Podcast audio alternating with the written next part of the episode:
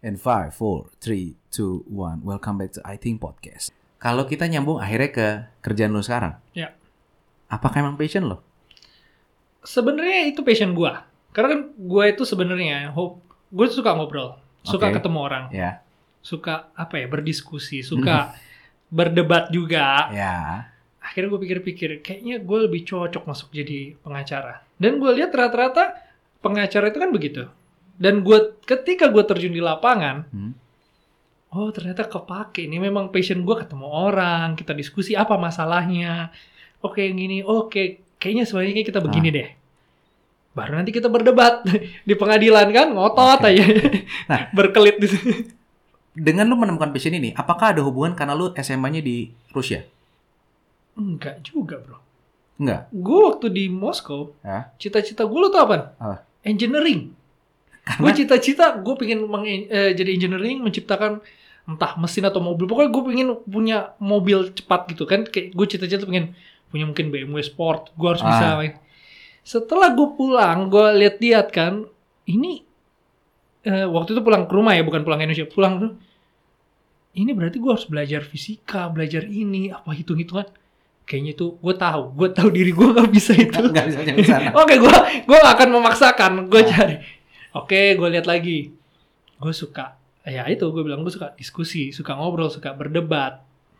Pokoknya gimana lah, kita diskusi cari solusi apa. Hmm. Nah, gue lihat, kayaknya jadi pengacara seru nih.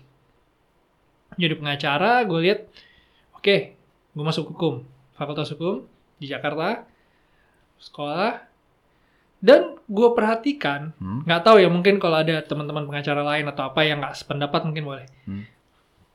Di secara di kampus-kampus itu kebanyakan diajaran lebih banyak teorinya bro Oke pas gua terjun di lapangan Hmm. kadang-kadang ada yang sebenarnya nggak perlu sesusah teori di, di selama kita pelajarin itu nggak sesulit itu Nah, ini nyambung dari sini pas banget nih. Gue ya, gue pribadi eh, kan lo berbicara dari sisi sebagai lawyer di jurusan lo. Iya. Gue pun pribadi sendiri merasa bahwa banyak hal yang pada saat kita pelajari di bangku kuliah, prakteknya nggak semuanya kepake. iya gua setelah gue lihat gini oh mungkin ini yang orang-orang istilah apa learning by doing Learning by Nah, doing. Terus ada juga kayak berpendapat bahwa pada saat kalian kuliah tuh sekolah itu mentok cuma 30 atau 20% bisa kepake. Sisanya itu harus di lapangan. Iya, jadi pas gini, gua waktu gua jadi ini kan ikut jadi asistennya senior lawyer gitu kan. Hmm. Oh iya pak, ini gini. Gak usah lah itu repot. Kamu begini begini begini. Pas gue coba di lapangan, oh ini lebih Bisa ju- simpel. Bisa, juga, ternyata. Ternyata jalan itu untuk nyampe ke sana itu nggak harus lewat yang ribet begini. Ada jalan yang sebenarnya ada jalan gampang. Hmm. Cuman orang ah nggak mungkin lah. Kita diajarnya harus lewat sini Iya. itu yang kadang-kadang Nah. gue bilang oh padahal pakemnya itu nggak harus ini juga itu nggak melanggar hukum gitu. Iya, sa- sama. Makanya yang makanya gue juga cukup kaget juga dikira gue adalah hanya di pekerjaan gue saja sebagai business consultant karena Hmm. kan uh, kita juga di bisnis pun juga apalagi bisnis ya. Menurut gue Iya. tidak ada tidak ada teori yang pasti, tidak ada strategi yang pasti. Jadi pada saat ada orang datang pun ke gue pun juga bagaimana kalau kita ingin meningkatkan penjualan kita ini kayak gini, gue bilang ah pasti nggak? Yang gue nggak tahu karena kan dengan dengan keadaan yang berbeda-beda, pasar yang kita juga tidak tahu, kita Hmm. tidak punya ilmu pasti. Kalau di buku ada nggak caranya? Banyak. Sama juga lu juga pasti seperti itu. Undang-undang, KUHP segala macam itu banyak. banyak aturan Tapi apakah semua itu tiba-tiba pas kita pakai sidang atau perkara semuanya dipakai? Gue rasa juga kayaknya Enggak. enggak.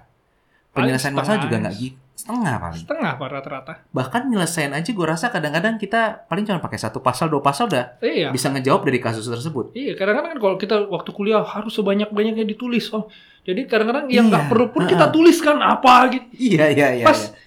kita ini jadi masuk magang nih kan Hmm. ya, ngapain lah kau banyak-banyak itu buang-buang waktu iya iya pak ya hapus Berarti- Oh. Berarti bisa dibilang juga eh, magang itu berdampak banget buat karir lu sekarang. Ya, magang itu menurut gua ya. Hah? Jadi antara kita transisi dari kuliah, Hah? apa yang kita pelajarin, terus sebelum masuk ya disortir dipelajari di situ. Iya, oh iya. sebenarnya ini nggak penting. Oh ini masih perlu. Oh ini wajib. Oh ini Ah. ini yang harusnya kita kuliah dulu itu belajar Nah, dicatat. iya, Banyak kan iya. gitu. kayak waktu gue kuliah oh ini nggak penting lah oh, iya. eh pas di lapa- pas di lapangan kita sebagai praktisi gue lupa gue belajar ini kayak gue gak pernah catat ternyata ini penting yang Iya. gue catat-catat kok nggak penting nggak Iya. kepake ya itu banyak kan Makanya kan kita kita kan sempat terakhir nggak tahu apakah ini sudah di nggak su- sudah diterapkan belum atau tidak kan sempat kalau dari Kementerian Pendidikan kan menerapkan bahwa dari kuliah itu harus dicanangkan adanya magang kan. Kalau nggak salah diganti beberapa diganti beberapa SKS dan SKS. menjadi magang supaya ada pengalaman. Karena jujur pun juga kalau lu mungkin pas di lu ma- itu magang atau dengan kondisi masih kuliah magang atau lulus nggak gue lulus dulu baru gue magang Nah, itu dia. Sama juga seperti gue. Jadi pada saat pada saat gue sudah lulus kuliah, megang sarjana S1, pas terjun ke lapangan, gue ya bingung malah. Jadi berkata kalau kayak kasarnya kita perang nih, senjata dikasih banyak. Pas di lapangan, yang mana nih? Ini gua- kayaknya sama gak sih? iya jadi kayak misalnya kita kasih senjata nih Iya. ini musuh di jarak segini pakai senjata Nah. yang mana nih kata kan Itu yang kadang-kadang, yang kadang-kadang tuh menurut gue pribadi, ini ini Ah. dari pengalaman gue kuliah juga ya. Yoi. kita dikasih tahu ngerawat senjatanya, kita kita dikasih tahu jenis-jenis senjatanya, kita diajarin cara makainya, tapi kita lupa dikasih tahu bahwa nih senjata dipakai pas momen ini nih. Iya, itu itu yang menurut gua ya itu magang atau ya learning by doing. Jadi pas ketika lu praktek di lapangan baru kayaknya nggak bisa nih pakai yang ini, coba yang ini. Oh iya ini yang bisa gitu loh. Kebanyakan kan gitu. Karena waktu kita kuliah harusnya urut-urutannya begini begini begini begini. Teoritis banget. Teoritisnya banyak. Kayak yang tadi juga sebanyak mungkin pada saat pakai kalau kayak gua dulu di zaman gua masih kuliah di untuk di marketing atau apa pun kayak strateginya pakai apa, pakai ini terus habis itu segala macam. Ternyata pas di lapangan juga nyisen masanya kadang-kadang nggak tahu kalau dulu. Gue kadang-kadang bisa menyelesaikan suatu masalah atau memberikan strategi kepada klien gua. Itu bahkan bisa menggunakan ilmu yang paling dasar pas gua di S1 bahkan. Iya, setuju. Gue juga gitu. Bener nggak? Sama ternyata. Iya kan? Iya, jadi apa ya? Karena terkadang kadang-kadang kita udah belajar udah serumit mungkin kita tahu banyak banget. Terus habis itu pada saat penyelesaian masalah kita berharap ilmu kita yang canggih banget nih Nggak kepake nggak jadinya. Sehingga malah yang kayak eh pakai dasar kemarin pas awal-awal kita kuliah ternyata bisa ya. Iya, kayak salah satu aja misalnya dihukum nih. Ah. Pasal ini, pasal ini, junto ini, junto ini, junto ini. Ya, gue juga bagi orang kadang-kadang ya? bingung tuh. Ternyata pas nggak usah lah satu pasalnya sebenarnya lebih luas, kenanya banyak loh. Iya juga ya. Ngapain tulis panjang lebar ini itu ini kena pasal undang-undangnya satu satu pasal aja kadang-kadang udah mewakili semua. Orang udah kena satu pasal aja udah pusing kan? Iya pak. Karena tuntutannya kita udah takut ya. Iya, apalagi dikasih berlapis-lapis. Oh, udah satu pasalnya lebih enak nih. Ter- Oke lah untuk jaga-jaga tambah satu pasal lagi. Udah gitu doang. Nah waktu dihukum kan pasal ini, junto ini, undang-undang ini, harus catat. Pokoknya prinsipnya kan zaman-zaman kuliah kita kan makin banyak kertas ujian yang kepake, Nilainya Nilai tinggi, kemungkinan kan? bisa lebih tinggi. ongkos tulis kan. Nah pas ternyata nggak kepake ongkos tulis waktu kuliah kantor nih kantor. Iya, ma- makanya itu gue dengan ada yang ngobrol kayak gini pun juga gue jadi gue jadi ada kebuka mindset baru lagi bahwa ternyata nggak cuma di gua saja nih di jurusan gua saja karena kan eh, dari dulu gue selalu bilang juga sama orang bahwa terkadang menyelesaikan suatu masalah itu tidak mem- tidak memerlukan ilmu-ilmu yang terlalu tinggi sekali karena kadang orang yang berilmu tinggi ilmu tinggi saja dia suka lupa tuh yang dasar awal kitanya itu apa. Sama aja kayak misalnya lu kuliah dihukum lu hafalin terakhir tapi kalau gue tanya pas semester 1 lu belajar apa kadang-kadang lupa. Iya. nah itu yang itu yang gue sering ingetin kadang-kadang eh, pada saat gue kuliah S1 misalkan let's say kita kalau ngomong di bisnis paling simple kita cuma ngomong segmentasi targeting positionnya seperti apa. Yang kita ngomong kayak eh, lu mau dagang jualan nih mau ke siapa? Lu udah tahu belum ke mana kadang-kadang itu yang paling dasar ini yang orang lupain yang nganggap kayak ini kan dasar banget. Masa kita mau dagang nih mau ini? Harusnya strategi yang matang dong pakai ini pakai ini pakai ini. Sama juga berarti kan di Sama. di hukum juga gitu kan ternyata juga sama itulah. Oh, apa ya mungkin ya apa pun sekarang pekerjaannya. Iya rata-rata kayaknya. yang nggak usah susah-susah banget gitu loh. Iya pada saat kita udah terjun ke lapangan ternyata tidak serumit seperti yang kayak kita pelajari yang ada di kuliah.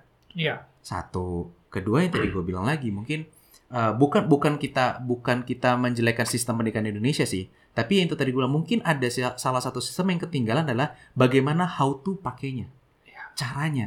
Karena kita kita kuliah 4 tahun itu gue berani jamin pun juga. Kayak misalnya sih contoh gue gue dari S1 terus habis itu S2 gue belajar banyak. Tapi pada saat yang gue pelajarin banyak gue ahlinya di marketing yang lain kalau ditanya eh waktu S1 itu kan belajar dasar-dasar akuntansi kan oh iya lulus lulus bisa jujur enggak lupa gue ya what do you expect dari seseorang yang eh, dosennya yang ngajar beda ya kan kuliah tiap hari Iya. mata kuliahnya banyak tapi pas kita kerja ada penjurusan Iya. Segmennya apa? Kamu Iya. mendaftar apa? Kan pasti gitu dari HRD.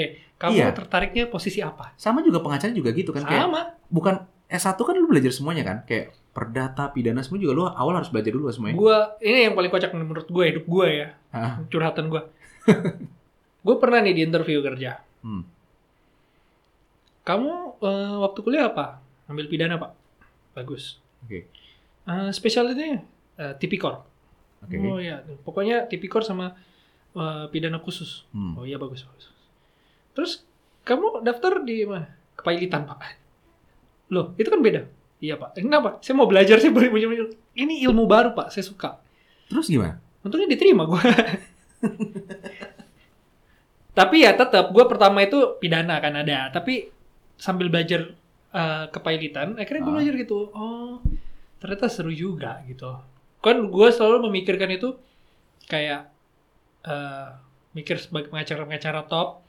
Terus mikir, oh ini pasti megang yang kasus kasus-kasus artis, kasus-kasus Hmm, hmm, hmm. ternyata eh, kasus-kasus yang nggak pernah disebutkan di media TV di media infotainment itu Hmm. itu juga banyak duitnya. Ternyata gue selalu gue lihat gini oh banyak juga duit di sini ya. Jadi pengacara pun saja eh, bisa dibilang itu kayak bidangnya beda-beda lagi. Banyak banyak spesialisnya beda lagi. Jadi ada pengacara itu kita sekolah hukum. Oke. Terus kita keluar itu lulus bukan apa bukan keluar ya lulus ya maksudnya Hmm. lulus Pelapor ASA eh, jadinya berarti rugi dong jadi kita lulus nih Hah? misalnya gue niat mau jadi ada notaris atau mau niat Mhm. jadi masuk di apa bagian le- legal lah sebenarnya yang kita jual sebenarnya bukan jasa pengacaranya kita dulu sebenarnya. Yang kita jual adalah kredibilitas lu atau portfolio lu. Iya. Misalkan seperti kayak, oh orang bakal make Mas Tirando Uloli ini karena dia pernah punya kasus ini, ini, ini nangin, oh ini bisa seperti itu. Bukan Iya. masalah pintar atau enggak kan? ya kan kita nggak bisa apalagi misalnya eh, misalnya orang sudah kena nih kamu dituduh membunuh Hmm. kan lu pasti nggak mungkin dong kita ah, sembarang lawyer deh pasti kan kita nyari lawyer yang bagus bahwa memang gua nggak membunuh gua memang lagi apes aja dan datang tempat ada orang mati di situ gitu kan Ah, Jadi kan mau nggak mau lo harus cari pengacara yang bagus. Bukan bukan maksudnya gua yang pengacara yang lain nggak bagus. Cuman kan ya siapa pun lah, mungkin bukan hanya di hukum ya, mungkin di kedokteran atau apa, pasti kita nyari yang terbaik, terbaik lah, lah. gitu kan. Ah, Sama lah, di bisnis juga pasti. butuh advice pasti kan. Cari yang terbaik. Gua nggak mau yang ecek-ecek, gua kalau yang paling bagus gue cari. Mm-mm. Nah rata-rata begitu. Jadi kebanyakan itu apa ya kita harus membranding diri itu susah kan jadi kadang-kadang kita ya join sama orang yang senior udah punya pegang perkara-perkara gede Mm-mm. Terus kecuali ada beberapa teman gue yang memang dia punya koneksi bagus di atas, maksudnya di, di kalangan-kalangan pengusaha besar, di kalangan-kalangan pejabat-pejabat. Jadi Pak kalau ada kasus bisa dong tes ke saya gitu. Oh, tapi berarti kan kalau kita yang start benar-benar dari bawah, ya salah satu yang mungkin bisa dibilang, kalau gue dari cerita lu, keharusan adalah kita belajar dulu lapangan, masuk law firm dulu, Iya. takes time 5, 6, 7 Ah. tahun, punya nama, baru itu pun itu pun juga tidak menjamin dia akan sukses membangun law firm sendiri. Iya. Cuman kebanyakan rata-rata yang gue kenal nih ya pengacara-pengacara senior gue yang cukup sukses, memang mereka bilang gini lebih baik kamu belajar dulu. Hmm. Apa eh, pengacara yang bagus itu Hmm. bukan pengacara apa eh, yang pinter di kuliah. Oke, menarik. Gua bilang, Terus gimana pak? Yang yang sekarang yang baik itu pengacara yang eh, kenal banyak orang. Balik lagi seperti ya jatuhnya kayak kayak di bisnis juga seperti itulah ya. Jadi gue bilang, oh jadi gitu ya? Iya, sekarang itu pengacara yang baik, apa pengacara yang sekarang lagi ini bagus itu kadang-kadang bukan yang terlalu pintar di kuliah. Terus yang kenal banyak orang. Balik lagi sosialisasi lagi. Dia kenal, oh ini ada klien, itu teman saya, gini. Nah, nanti misalnya gini, oh pengacara lawannya teman kita. Pasti hakim itu setiap ada sengketa, ada yang mau berdamai nggak? Biasanya hakim itu begitu. Nanti kadang-kadang kita sama pengacara, bang, bisa didamaikan nggak sebelah sana? Jadi kita win-win solution aja gitu. Jadi kadang-kadang ya oke, musim perkara berlarut-larut, kadang-kadang selesai cuma sebentar. Karena kita bisa ngajak ngobrol, kita gimana enaknya yang mana nih?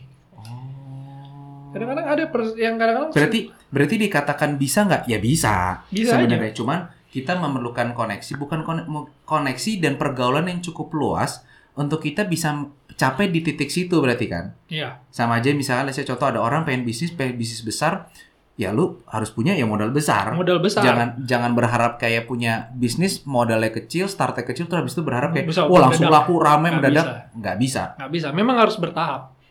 Dan oke lah, ya, akhirnya gue belajar masuk di law firm besar. Gue niatnya oke, gue bekerja, tapi gue belajar bagaimana caranya. Ini perusahaan law firm dari sebelum besar ini kan pasti dari kecil juga. Pasti. Oke, gue mau belajar. Oh, caranya begini. Oke, gue ikutin aja. Terus gue lihat, oh mereka itu kerja nggak kenal waktu gitu. Mau pagi, mau siang, malam Iya, kerja. iya, iya, iya. Itu juga yang gua kalau ngeliat teman-teman gue yang jadi pengacara agak stres di situ ya. Iya, makanya kan kalau lihat sekarang yang Instagram Instagram pengacara-pengacara, malam aja masih nongkrong kan di kantor, di Subuh, lembur. Pak. Subuh. Ada yang subuh masih di Polres. Iya, gua gua gua ngeliat tem gua ngeliat temen gua dia itu tuh pulang di saat temennya datang ke kantor. Nah itu. Orang gua aja, mas, gua hari ketiga masuk di kantor, Hmm. masih anak baru tuh. Pulang itu ajan subuh bro. Masuk pagi padahal. Masuk pagi, masuk jam 7. Setengah 8 masuk. Pulangnya subuh. Gila ya. Lalu sampai bos gue bilang, "Ya sudah ya Rando, habis ini kamu pulang istirahat, Hah? masuk masa pagi-pagi aja. Itu tetap dikodein kayak Anda harus tetap masuk. Tetap masuk, eh, kodenya halus. Kamu masuknya nggak usah pagi-pagi, kamu santai aja masuk. Ya jam-jam 10 lah. Sama Ya. aja dong. Ya udah deh. gitu. Sama aja. kan gue mikir, gue sambil belajar kan, ya oke lah kita terima aja dulu ilmu ya kan. Pak, pak, pak. Tapi ya mungkin karena memang passionnya di situ ya, gue suka yang kita nyiapin dokumen apa semua untuk bersidang, berdebat apa jadi Ya. oke lah.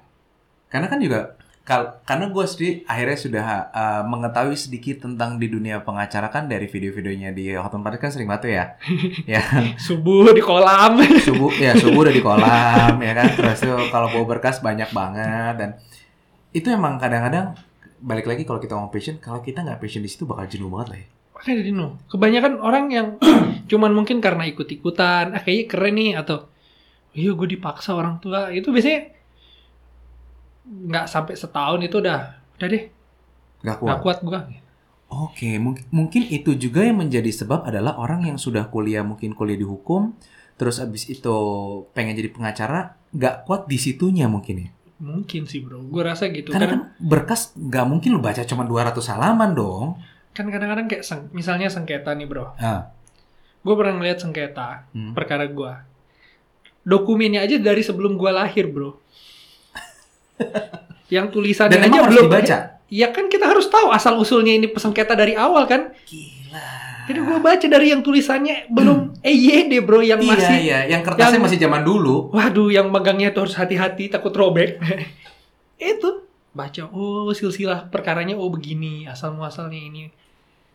It, that's why makanya itu orang pulangnya sampai subuh sampai malam karena dia harus membahas dari yang benar-benar sampai Iya. sedetail mungkin. Jadi kita itu isinya kita harus baca semua biar Ah. kita memahami kita masuk di eh, perkara itu. Jadi kayak merasa ini kita gitu loh barang kita sendiri.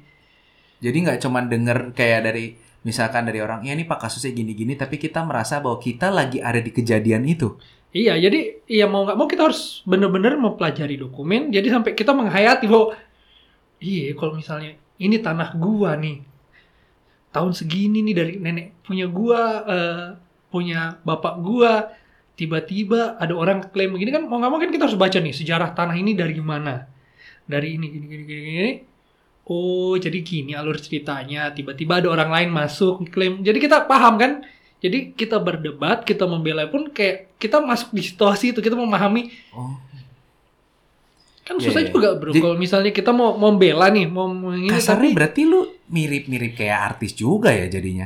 bisa jadi bro Karena kan pada saat kayak sebagai seorang aktor itu kan harus mendalami karakter sehingga akhirnya dia masuk di karakter tersebut. Betul. Kalau adalah harus harus bisa masuk di dalam cerita itu sehingga ya eh, pada saat lu membela atau pada saat lu mencari jalan keluarnya sehingga akhirnya lu merasakan kayak gue di situ. Iya. Kalau gue di situ gue bakal berpikir apa, gue bakal ngelakuin apa, apa tindakan gue kan jadi kayak gitu loh. Betul. Karena kadang-kadang kalau misalnya kita mau bela orang cuma dibilang, gue dipukul di bro sama dia. Ah, ah, Kadang-kadang kita mau mau bela, emang lo habis ngapain sih? Gitu. ah, paling itu. Jadi kan kayak ragu-ragu. Tapi kalau misalnya kita tahu, gue udah kerja dari pagi sampai malam, tiba-tiba dia datang gak jelas mukul, ah kita kan akan bela fight mati-matian gitu kan. Hmm. Mau sampai subuh pun kita belain gitu.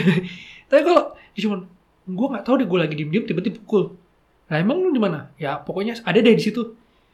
Kita kan mau belanya. Ya lu di mana dulu nih? Kita mau bela mau gimana gitu. Oke, berarti berarti juga bisa dibilang pengacara itu nggak cuman hanya skill kemampuan untuk berbicara, tapi kemampuan untuk ber- membacanya itu juga harus dengan cepat Iya, lah. jadi kadang-kadang Karena yang kan adu cepet-cepetan sama lawan dong. Wah cepet-cepetan bro. Makanya kadang-kadang sampai malam kan itu karena apa? Kadang-kadang kan klien baru misalnya kita meeting nih, oke Hmm. deal buat surat kuasa. Ah, Dokumen itu dari zaman nenek moyang apa semua dikirim semua kan ke kita nih kan Ya. berkoper-koper tuh. Mau nggak mau kan kita harus cepet-cepet baca. Sebelum sidang dimulai kan surat panggilan dari lawan misalnya lawannya menggugat surat gugatan nyampe apa semua kan karena dari pihak sendiri kalau soal gugatan itu lu tahu nggak kapan it- eh, ada sudah ada perpisahan? Eh kemungkinan tanggal senin nggak ada juga. ada jadi kadang-kadang kan klien ini misalnya kan kena surat gugatan nih Iya. kirim dia langsung cari pengacara kita Iya. kita lihat oke dipanggil sidang tanggal segini berarti kan kita harus ngejar tuh sebelum tanggal ini Sebelum kita harus siap itu. iya sebelum deadline ini kita harus sudah siap semua itu kadang-kadang ya, ya itu dah kayak di film-film Nah, yang lembur Nah, yang, yang seru adalah juga gini. Pada saat kalau misalkan persidangan ini gue penasaran banget sih dari karena kalau di film-film kan ngeliatnya kayak oh yang sini punya data ini punya data terus itu akan berdebat seperti itu kan. Pada saat di sidang faktanya yang terjadi. Iya. Apakah lu hanya pelajari kasus dari klien lu saja atau lu juga mempelajari bahwa ini musuh lu lemahnya di mana? Terus Iya, habis itu kadang-kadang ada eh, mereka pakai pengacaranya siapa, kira-kira akan muncul seperti apa. Karena ini otak gue kepengaruh sama terakhir gue nonton Netflix tuh. ada satu ada salah satu film mungkin lo nggak sih Money Heist? Tahu Nah, di Yang mana perampokan. Ah, perampokan itu kan di belakangnya itu si profesor ini kan sudah memikirkan kayak bakal ketemu siapa, ketemunya dia itu bahkan sampai dipelajari itu, oh ini dia punya anak, oh ini ada suami ini sampai di kayak gitu. iya Di persidangan juga sama seperti itu. gua kira itu cuma di film bro Iya, ya. ternyata pas gua di lapangan begitu. Oh gitu. Jadi kita sampai tahu nyari tahu nih. Ini lawannya law firmnya dari mana nih? Kan Ya. mereka ngirim ada pembelaan itu kan ada kop suratnya. Ah, ah, ah, ah. Cari tahu. Biasanya mereka perkaranya apa nih? Oh, pernah menang nggak mereka? Biasanya gitu kita ngecek juga gitu bro pasti. Musuh kita siapa kan? kan Musuh juga siapa? Karena Kita- kan eh, kalau kayak ini nggak tahu, ini kan gue balik lagi gue cerita apa yang gue tonton dan apa di fakta lo. Pada saat kalau kita nonton Money Heist pun juga kan, bagaimana akhirnya dia bisa menyerah, bagaimana menjatuhkan mental orang itu kan ada yang cerita seperti kayak Nairobi itu cuma anaknya doang dibawa, terus tiba-tiba mental drop. Iya, kadang-kadang Down. juga ada kayak gitu bro. Sampai sedetail itu kadang-kadang. Sampai sedetail itu. Kadang-kadang ya kita nyari tahu misalnya lawan kita ini siapa nih? Oh dia punya track recordnya ini kekerasan dia pernah dilaporkan polisi atau oh dia ternyata pernah ada hutang-hutang nih sama banyak orang nih. Hah. Nah, kita cari tahu juga bro. Hmm. Kenapa? Kadang-kadang itu untuk memperkuat persidangan kan kita kadang-kadang sidang itu untuk meyakinkan hakim. Hmm. Kan persidangan Indonesia itu kan atas kedasar keyakinan hakim kan. Jadi bagaimana lu mempengaruhi hakim yang mulia kan saya nggak salah tuh dia Al- itu tukang Alur ceritanya jadi Iya, kan. jadi kita harus mengubah sudut pandang hakim itu sepaham sama kita kan. Jadi kadang-kadang kita kayak yang Iya. mulia bahwa ini nih mereka itu pernah ada hutang sama ini pihak ini. Jadi tapi di persidangan kita nggak boleh gablang ngomong gitu. Jadi kita selalu pakai perumpamaan. Oh, itu ada kode etik berarti. Ada di apa eh, kuhap itu ada kan apa di sidang itu kita nggak Hmm. boleh nyebut merek misalnya pak ini pak ini enggak jadi seumpamanya nih ada pihak A Oh. dan pihak B. ternyata pihak A ini pernah ada masalah hutang dengan pihak C kayak gitu-gitu jadi Oh, that's why makanya banyak lawyer itu diplomatis ya. iya kadang-kadang kita harus bahasanya itu ya agak apa ya belibet lah kadang-kadang kalau kalau misalnya orang yang nggak paham hukum nih Nol, duduk di persidangan Hah? duduk nonton itu kalau dia nggak paham nih baru datang duduk itu bingung ini sebenarnya siapa sih ini bagaimana sih gitu Iya, pasti gitu karena karena kalau kita ingat-ingat lagi ke kasus yang sempat viral atau yang lama banget kayak misalnya kasus yang Jessica sama Mirna yang Metro Nah, TV. itu. Itu kan teks 6 bulan sampai 8 bulan kan. iya itu aduh Itu siaran langsung di Metro TV-nya aja udah berjam-jam. Capek itu bro. Gua rekor sidang sampai jam 12 malam pernah. Dari jam? Dari pagi jam eh dari jam 10 siang. Sampai jam 12 malam. sampai jam 12 malam. Wow. itu pun ditunda kan apa ditunda lagi besoknya dilanjutin besoknya.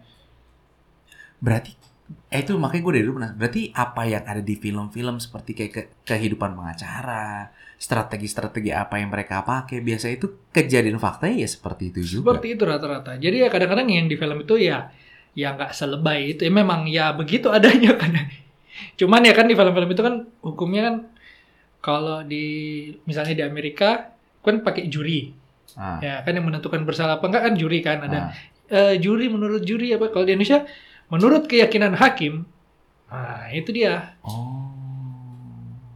Karena itu setiap negara me- mengadopsi uh, hukum berbeda-beda. ya? berbeda-beda jadi ya kalau gitu kita tuh apa ya di hukum pengacara-pengacara itu bagaimana kita bisa meyakinkan hakim aja sih intinya begitu Oke. jadi kalau misalnya kita bilang yang mulia bahwa klien saya begini begini begini begini sudah melakukan begini begini begini.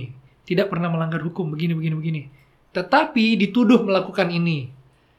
Ini buktinya. Ya kita keluarin buktinya. Oke, berarti itu yang tadi sempat lu bilang juga pada saat lu kuliah pun juga lu mengerti pasal sudah banyak lu segala macam, tapi pas pas faktanya ternyata bukan masalah hukum saja yang harus kita Enggak. pikirkan, bagaimana analogi kita berpikir, itu dia. bagaimana logika kita pada saat suatu cerita ini janggal atau tidak. Kadang-kadang mungkin menyelesaikan bahkan nggak pakai hukum mungkin, nggak pakai pasal-pasal. gitu nggak pakai pasal karena Logika dulu dipikir kan?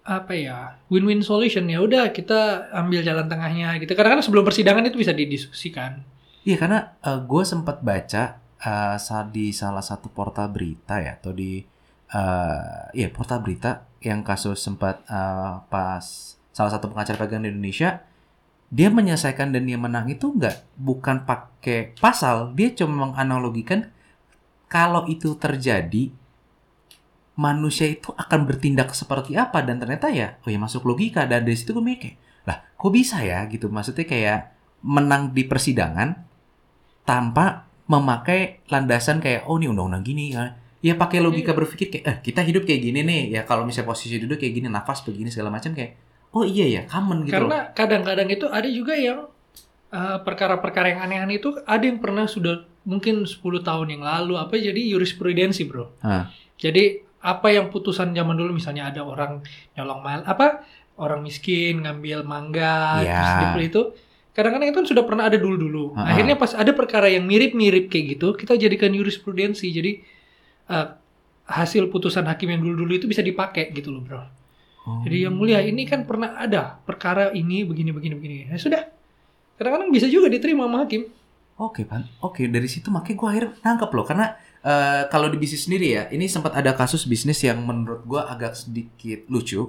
Nggak tahu lu pernah baca atau nggak kasus ini kasus Starbucks. Tahu gue Starbucks ini eh gue lupa Starbucks di negara mana sempat dituntut sama salah satu konsumennya dan akhirnya konsumennya menang dengan alasan hanya simpel dia beli eh, kopi panas terus abis itu di situ tuh di gelasnya dan pegangan tidak ada tulisan bahwa kayak hati-hati ini panas. Dan itu dan tumpah.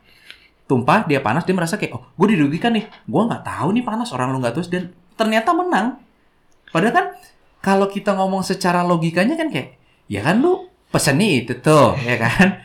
Ya secara logika bodohnya ya harusnya anda paham kalau itu tumpah ya itu pasti akan panas di tangan bisa loh ternyata kasus kayak gini Ya itu ya mungkin salah satunya faktor itu karena mungkin ada beberapa hukum produk hukum itu yang bersifat abu-abu jadi antara ada dan nggak ada gitu. jadi kalau mau diadakan ya sebenarnya ada, nggak dianggap nggak ada juga. Ya, Bisa dari dulu orang ada. juga nganggap nggak pernah ada itu hukum gitu. Mungkin eh, dari lu sendiri nih, Hmm. dari dari pengalaman lu dan perjalanan lu, kira-kira karena kan gini, banyak orang yang takut banget kena kasus hukum karena eh, hal kecil lah. Terakhir yang kasus di YouTube terakhir itu ada salah satu penyanyi terus habis itu dianggap plagiat sampai dia takut. Sampai dia takut karena dia merasa dia buta hukum nih.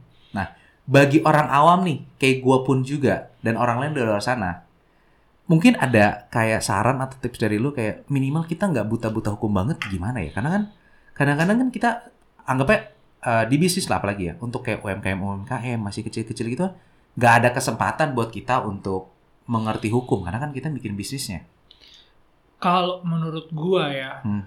kan sekarang ini apa ya era keterbukaan informasi sudah mulai banyak Mas. Mm-mm. Banyak kadang-kadang yang produk-produk hukum yang even rancangan undang-undang pun kan sudah banyak yang kayak di tes ke ke publik dilempar-lempar gitu. Ah. Jadi kadang-kadang ya mau nggak mau kita harus mulai, mulai mulai suka baca gitu no. Menurut gua. Itu dia. Jadi kadang-kadang kita ini apa sih yang heboh? Hah, ada waktu nih, ah, baca. Oh, jadi begini begini. Mau nggak mau begitu. Kadang-kadang ya kalau sudah apa ya, udah kita nggak nyampe nih, ini kok maksudnya apa gitu. Kadang-kadang kita perlu belajar nanya sama yang orang yang sudah hukum, yang sudah belajar hukum. Kadang-kadang kan di undang-undang misalnya tidak boleh begini. Kadang-kadang itu maknanya ada A, ada B, ada C. Mm-mm. Jadi kalau situasinya begini boleh, kalau Ya. situasi Nah, begitu. Jadi kadang-kadang yang ya kalau misalnya kita tahu ada hukum seperti itu ada, Hmm. tapi penerapannya bagaimana? Ya kalau ragu-ragu silakan tanya ke ya itu entah teman pengacara atau keluarga pengacara. Atau ya siapalah yang belajar hukum gua rasa bisa lah. Oke, ini ini menarik banget buat gua. Nanti kita akan bahas lebih lanjut lagi tuh karena dari dulu pun gue juga selalu bilang bahwa eh, kita tuh harus punya baca tuh bukan suatu hal suatu hal yang kayak menjadi beban atau bukan menjadi suatu hal yang kayak hobi, tapi menurut gue adalah menjadi suatu keharusan. Yang karena gue bilang pada saat pada saat kita membaca satu ini kalau kita ngomong di dunia bisnis ya eh, ma- kita makin banyak tahu sehingga kita akhirnya bisa banyak yang kita introspeksi dan kita bisa benarin dari bisnis kita. Dan ternyata di hukum pun juga karena dulu gue juga sempat mikir kayak eh sebenarnya kalau hukum itu basicnya kita mau baca atau enggak kan? Iya. Karena kan juga lu kuliah kan sebenarnya basicnya lu baca atau tidak. Cuman mungkin orang itu yang tidak kuliah hukum tidak punya waktu untuk membaca itu. Betul. Jadi kan saran lu adalah yang kayak tadi tips itu ya menurut gue juga ya juga sih karena gue sendiri gue sendiri pun tahu misalkan contoh kayak undang-undang ITE lah atau yang segala macam tapi yang tadi lu bilang Kita kan nggak mau tahu kan kadang-kadang ah biarin Ya. aja lah bukan urusan kita. nah itu dia itu emang gue sendiri pun juga masih belum membaca secara detail yang kayak sebenarnya apa sih undang-undangnya kita di Indonesia Iya, jadi kalau menurut gua nih, ya untuk orang yang mungkin bukan di bidang hukum, Ya. mungkin kayak lu atau apa, Mm-mm. misalnya ada ada ini apa rumor atau apa, ini undang-undang kita yang baru pasalnya begini, Iseng orang lagi ya. iseng aja coba, apa sih? Ini minimal lu tahu, oh di undang-undang ini atau di rancangan undang-undang ini kalau kita mau begini, ini ada hukumannya. Oh ini, oh ini udah nggak diurus nih, udah nggak ada hukumannya, ini udah bebas nih. Jadi kayak gitu aja sih menurut gua. keingintahuan dan mau baca Mau baca, jadi minimal lu jadi ke misalnya ini, saya laporkan kamu ada pasal ini. Pasti lu bilang, ah nggak ada itu gue nggak pernah baca. Googling, oh ada, oh nggak ada, gitu aja. Sebenarnya hal simple tapi kadang-kadang malas dilakukan oleh Iya. orang gue akuin. Even gue sebenarnya males, cuman ya karena gue tuntutan pekerjaan gitu loh. Karena gue menyediakan jasa untuk orang kalau mau nanya, eh ada nggak sih? Mau nggak mau kayak gue juga baca. Jadi kalau ada orang habis diskusi nih, Hmm. gue ragu-ragu. Gue selesai, gue baca. Cari-cari, terus baca literasi, cari gitu. dan itu menjadi suatu kebi- menjadi suatu keharusan dari lu juga ya Keharusan. yang mungkin tadinya lu dari SD SMP SMA juga mungkin nggak suka baca Bacanya komik bro. Bergambar. sekarang Sekarang kayak baca gitu. isi tulisan semua kan pasal semuanya. Oh, jadi nanti mau mau mau jadi kita tahu. Oh, pasal ini ada anak pasal yang A, B, C, D. Oh, Ya, kejelian baca juga kan Iya. ya. Karena kan banyak orang tahu cuma sedikit-sedikit, terus itu pas kita baca kita tahu oh ternyata ada yang lebih dari situ. betul. Sip, thank you banget dok udah sharing-sharing di sini, kasih tips kita juga untuk membaca karena emang dari dulu gue suka bilang sama orang kayak ayo lah mulai baca lah, walaupun emang tidak harus sampai bukunya habis, minimal ya satu halaman juga nggak masalah. Satu dong, pasti ada ilmunya. Sip, terima kasih dok. Sama-sama. Terima kasih.